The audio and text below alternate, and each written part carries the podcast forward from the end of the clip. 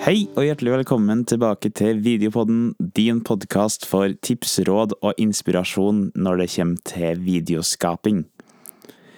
I dagens episode så tenkte jeg å gå litt inn på en eh, video Altså prosessen fra en video blir født til den er ferdig.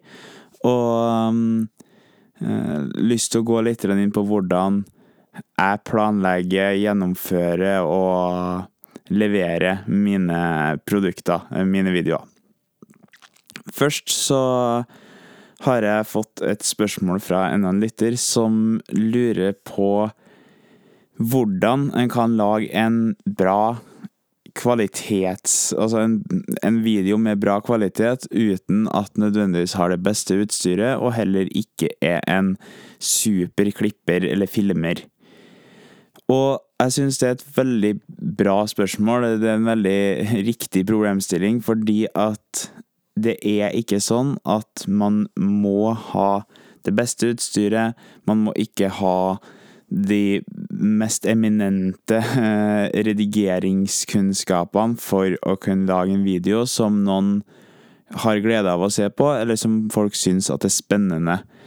Eh, det er ofte videoer man kan se som har slått an, og som ikke nødvendigvis har den her eh, wow-feelingen når det kommer til sjølve filminga eller klippen.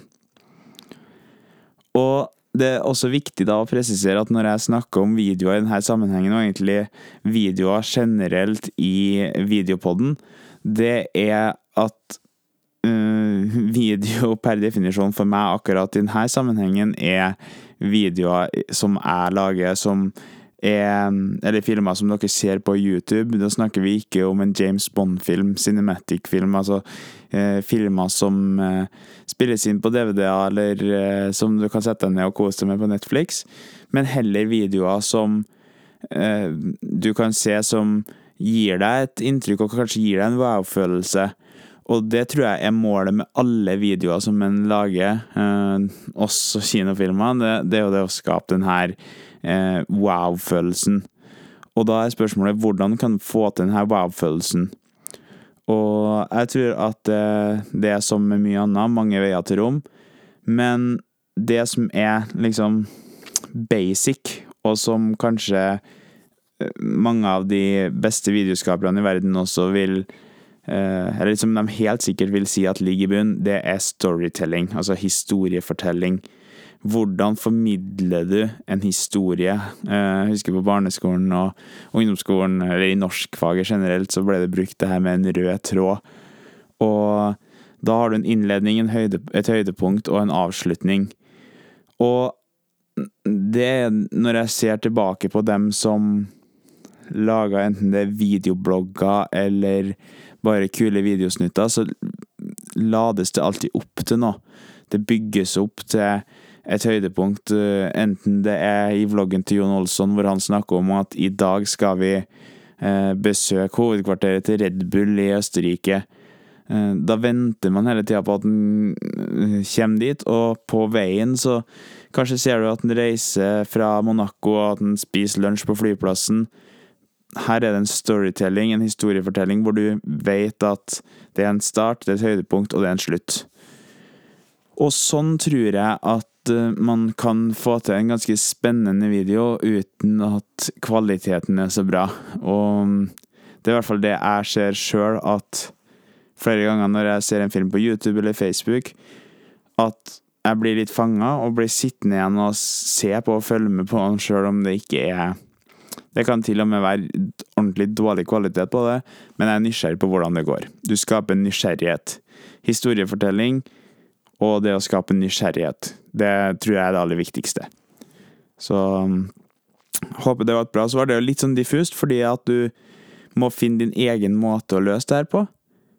Men jeg tror at uh, etter hvert som du holder på, så vil du finne en Ja, skape en problemstilling og løse det problemet, eksempel. Det um, Jeg tror at uh, gjør han det, så vil han noen ganger feile, og noen ganger få det til, og etter hvert så vil han lære seg mer og mer av hva som faktisk funker. Tusen takk til deg som hadde dette spørsmålet. Håper det var svar nok på det du lurte på.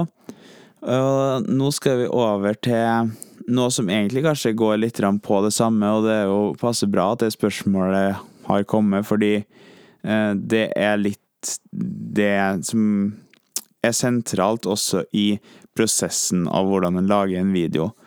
Og i det her eh, tilfellet så har jeg lyst til å bruke eh, en musikkvideo som er spilt inn, som, en sånn, som et eksempel. Og det er veldig forskjellig ut ifra jobbene for min del hvor mye jeg planlegger på forhånd. Men for et års tid siden så skulle jeg lage til en musikkvideo for Møller Bil Trondheim. De skulle ha en årsfest, og Musikkvideoen skulle være basert på sangen 'Jeg er trønder', hvor de hadde gjort om litt av eh, teksten, eller en god del av teksten, til 'Vi er Møller'. Og det var da et tema gjennom her hvor det var flere avdelinger innenfor Møller-systemet, eller innenfor Møller Bil i Trondheim, Trøndelag, som skulle synge hver sine vers. Og eh, da eh, klart, da han blir spurt om å gjøre oppdraget, så har han jo et lite bilde på hvordan det her skal gjøre. Eller for min del altså popper det opp noen ideer, noen bilder i hodet med en gang. Uh, og det er jo da prosessen starter, og en kan jo si at det er da videoen blir født, idet en blir spurt om og vet at nå skal han lage et produkt. Og så mm, var det for min del uh, veldig viktig å bli kjent med låta og teksten. Og da er det faktisk for, for meg viktig å, å kan godt og ha eh, melodien, alt. Det må eh, Jeg må finne en, en følelse, fordi at hvis ikke jeg har den følelsen som jeg ønsker å formidle, så er det vanskelig å formidle den også. Og uh, måten jeg gjorde det på, var at jeg uh, en dag eller to før innspillinga av musikkvideoen satt på kjøretur og hadde den sangen deres på repeat. Det var en seks minutter lang eh, eh sang som eh, jeg lærte meg godt etter hvert i løpet av kjøreturen, og som jeg fikk ideer på hvordan kunne lages en musikkvideo til underveis.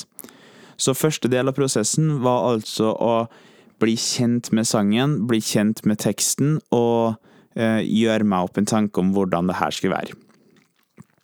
Og da er neste del Eh, steg to blir for min del å eh, skrive ned eh, alle scener som jeg ønsker å ha. Og det var ekstra viktig for meg å gjøre det her med Møllerbil, fordi at uh, det var folk som var på jobb, og vi måtte gjøre det oversiktlig, sånn at alle sammen fikk det forutsigbart i den filmtida. Vi hadde en og en halv arbeidsdag cirka på å filme, og det betydde at eh, vi måtte være effektive, og at alle måtte ha det klart når de skulle inn.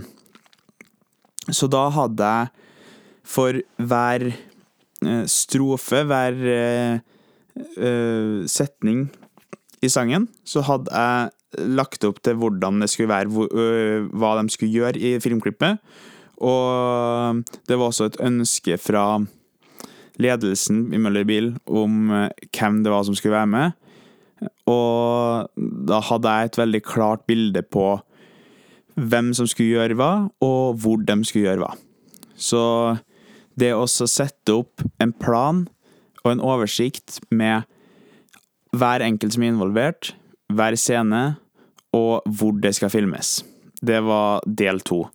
Og når Eller etter denne kjøreturen hvor jeg hadde gjort meg kjent med sangen, så var det ikke så veldig vanskelig å eh, lage denne oversikten heller. Det um, gikk ganske fort, fordi at jeg hadde såpass klart bilde av hvordan det her skal gjøres.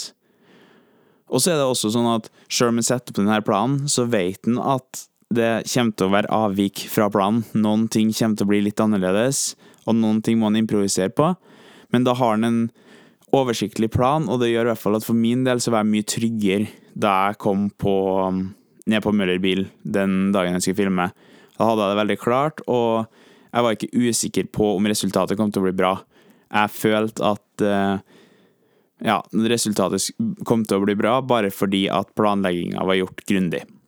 En del av eh, steg to det var jo også å finne ut hvilke vinkler en ønska at kameraet skulle være fra, hvordan man ønska at eh, eh, dem som var med i videoen, skulle dukke opp i bildet.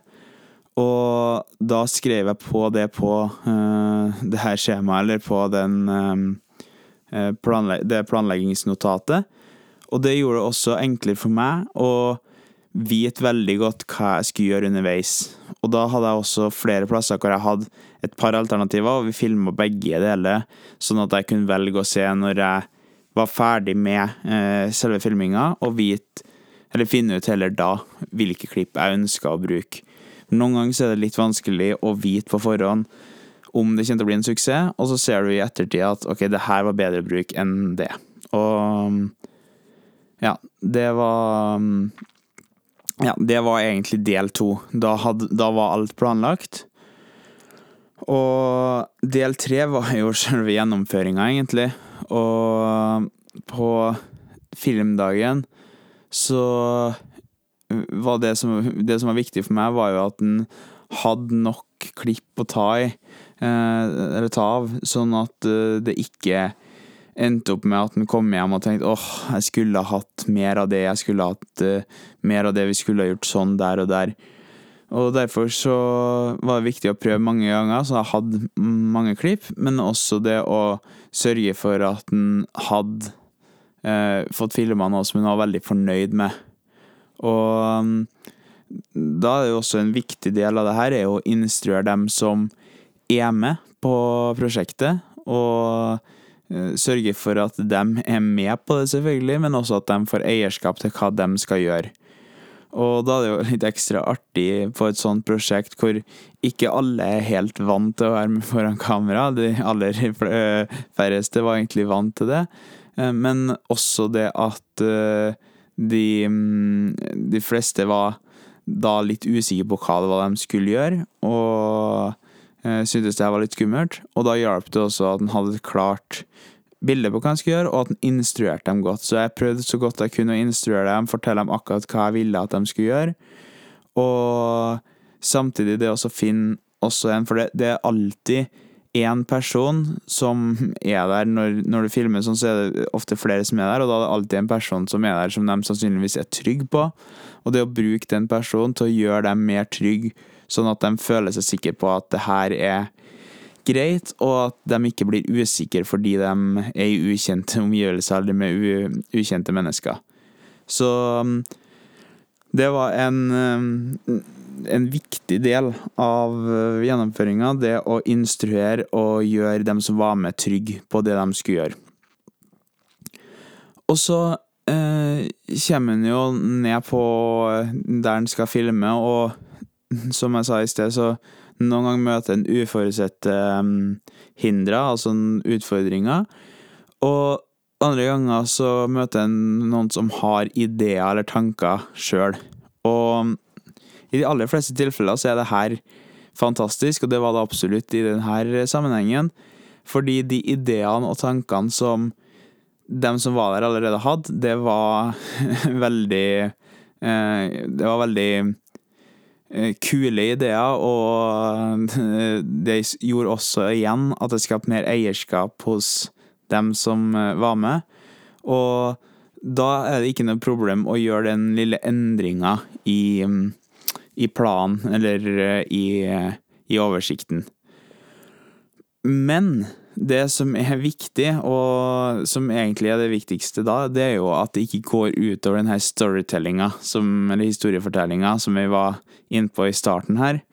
Og eh, det er jo det som jeg da var veldig opptatt av i del to. Det var jo å skape en historiefortelling sånn at eh, sangen, sangteksten, og det som skjedde på, av bilder og klipp, at det hadde en sammenheng. Det var viktig for meg, og jeg vet at det er viktig for resultatet. I en musikkvideo så det, trenger du ikke alltid å være en eh, sånn historie fra start til slutt, men eh, det at det gir mening ut ifra teksten, det syns jeg er viktig, og det tror jeg de aller fleste som ser en musikkvideo, syns er viktig. Noen ganger så er det jo bare lettkledde damer som danser, og Det kan være bra, det òg, men eh, i dette tilfellet så ønsker jeg at det skulle ha en sammenheng. Og da er det viktig at de ideene som kommer, at de passer inn i denne historiefortellinga. Nå er jeg heldig med Møller Bilgjengen, hvor at det her passa godt inn, og de eh, hadde akkurat samme hode og tanker på, på de tingene her, så det ble ikke noe problem. Og de ideene som de kom med, var kreative. Det gjorde eh, filmen enda bedre, og jeg tror at uh, det var Ja, jeg tror det var viktig for videoen at uh, de ideene ble brukt, og uh, jeg tror det er med på å gjøre at de byr mer på seg sjøl i, i filminnspillinga. Så da handler det faktisk litt om å ta det på sparket, uh, sjøl om uh, gjennomføringa selvfølgelig er planlagt. Også ta, finn rom for å ta ting på sparket. Så det er egentlig del tre, da. Det er jo en lang, en lang eh, beskrivelse og forklaring av del tre, men det å eh, sørge for at du eh, gjør folk trygge, kjører gjennomføringa og at den er åpen for innspill og nye ideer og muligheter. Men også det at den filmer nok ganger så den har en del klipp å ta av. Steg tre går på den tekniske planlegginga, den tekniske gjennomføringa. Og i dette tilfellet så uh, er det det er jo en, uh, en takknemlig jobb lydmessig å jobbe med musikkvideo, fordi at uh, da trenger du å ha med en høyttaler med lydsporet, og så skal de synge med på det, og så bruker du det, og så skrur du bare av lyden, så du ikke er avhengig av god lyd. Det betyr at mikrofoner og annen lydplanlegging eller lydopptak, det er en ikke avhengig av. Men det en derimot er veldig avhengig av, det er go godt lys. Og det var jo viktig i denne sammenhengen. For eksempel så husker jeg veldig godt et klipp hvor en av de som var med i filmen, satt i en bil og sang, og da var det veldig viktig at det ble lyst opp godt, fordi at inni bilen så er det ikke noe mye lys, og selv om de satt inn på et eh, Eller var plassert på en plass hvor det var mye lys som kom utenfra, så var det ikke så lett å få lys på den personen. Og måten jeg løste det på, var jo da naturligvis å ha et lys utenfra som lyste opp den personen, men også ha en reflektor inni bilen som den som satt i passasjersetet hadde i fanget, men som ikke ble fanga eller tatt med i Vistes i kamerabildet. Og det gjorde at den fikk lyse opp de personene som var der. Og det er noe som er viktig å planlegge, fordi at når den ser etterpå, så vil du automatisk, eller du vil med en gang se om det her var godt lyst opp, og når den begynner med fargeredigeringa, så ser du åh, det her var ikke bra nok, eller det her var veldig bra. Og um, derfor så er lysplanlegging veldig viktig. Eh, jo mindre lys eller dårlig lysforhold det er der du er, jo viktigere er det jo selvfølgelig å eh, ha fokus på det. Men uansett så er det en viktig del av det. Og uh, filmen utendørs, så er en reflektor egentlig mye av den Eller den kommer veldig langt med en reflektor, og en trenger ikke så mye mer enn en det. Men spesielt hvis en filmer litt vanskelig lysforhold, ha med et lys eller to som gjør at du får lyst opp dine filmer sånn som du vil, og at det blir et best mulig resultat.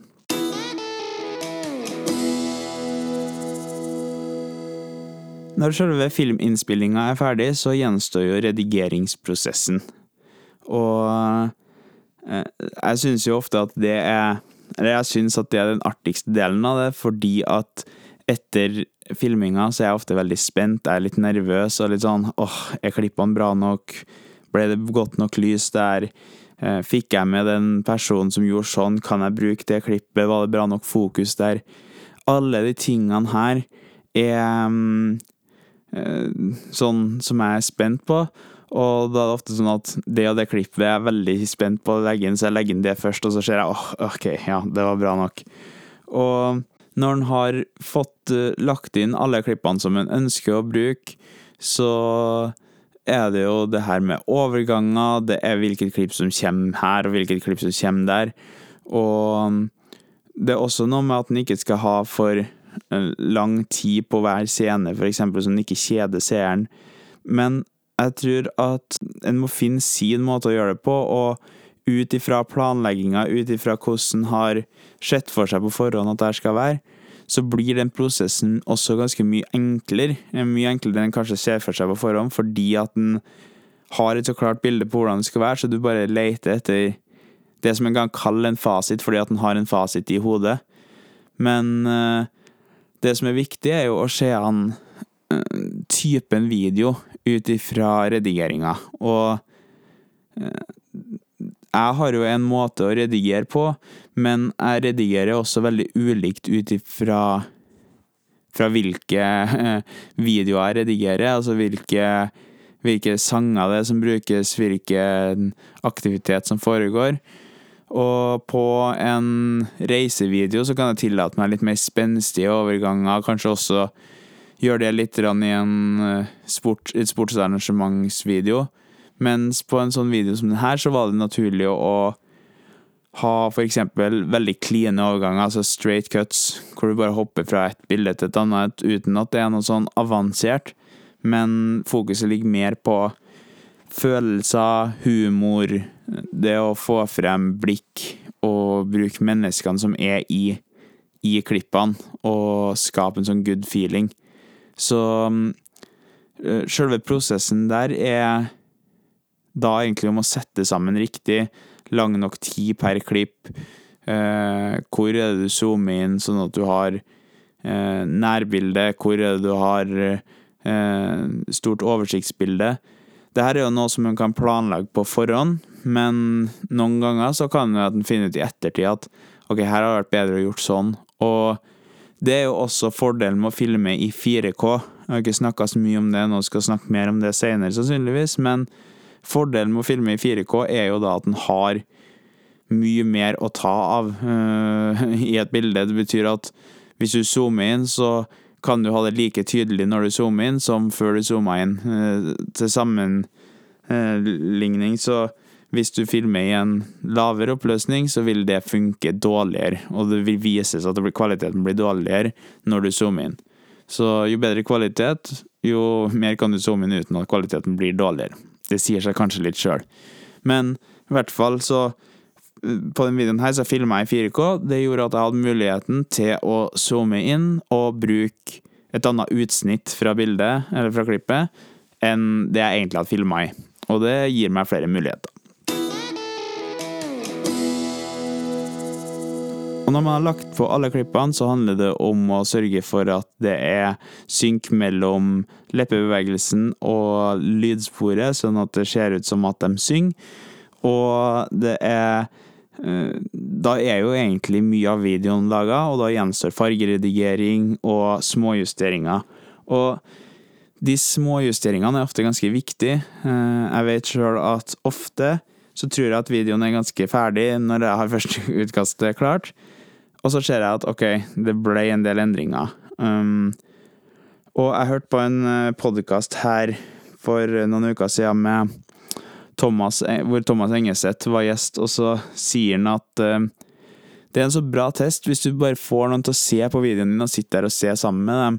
Altså Om det er mora di som kommer og ser, og hun ikke har noe peiling på video, så bare la oss se det, og da merker du med en gang om noe må endres. Og, og det traff meg veldig da han sa det, fordi at det er akkurat sånn det er. Med en gang jeg ber noen om å se videoen, så setter jeg den på, og da kan jeg etter ett sekund åh, tenke Åh, der må jeg endre den, for det passa ikke så bra. Det var ikke så kult. Det må gjøres der. Så man blir en sånn En blir jo sin største kritiker, men det gjør også at en ser veldig godt at ok, det her funka, det her funka ikke. Og mm, det er, altså, det er egentlig et veldig godt tips. Bare be noen om å se på videoen din sammen med deg. Fordi da føler du kanskje et sånt press, og du bare automatisk får en følelse som kanskje er litt vanskelig å beskrive. Men det tror jeg er det som gjør Sett den siste finishen på videoen, sånn at du du vet at, uh, at, at, det her blir bra, fordi at da er du stolt av det du leverer fra deg.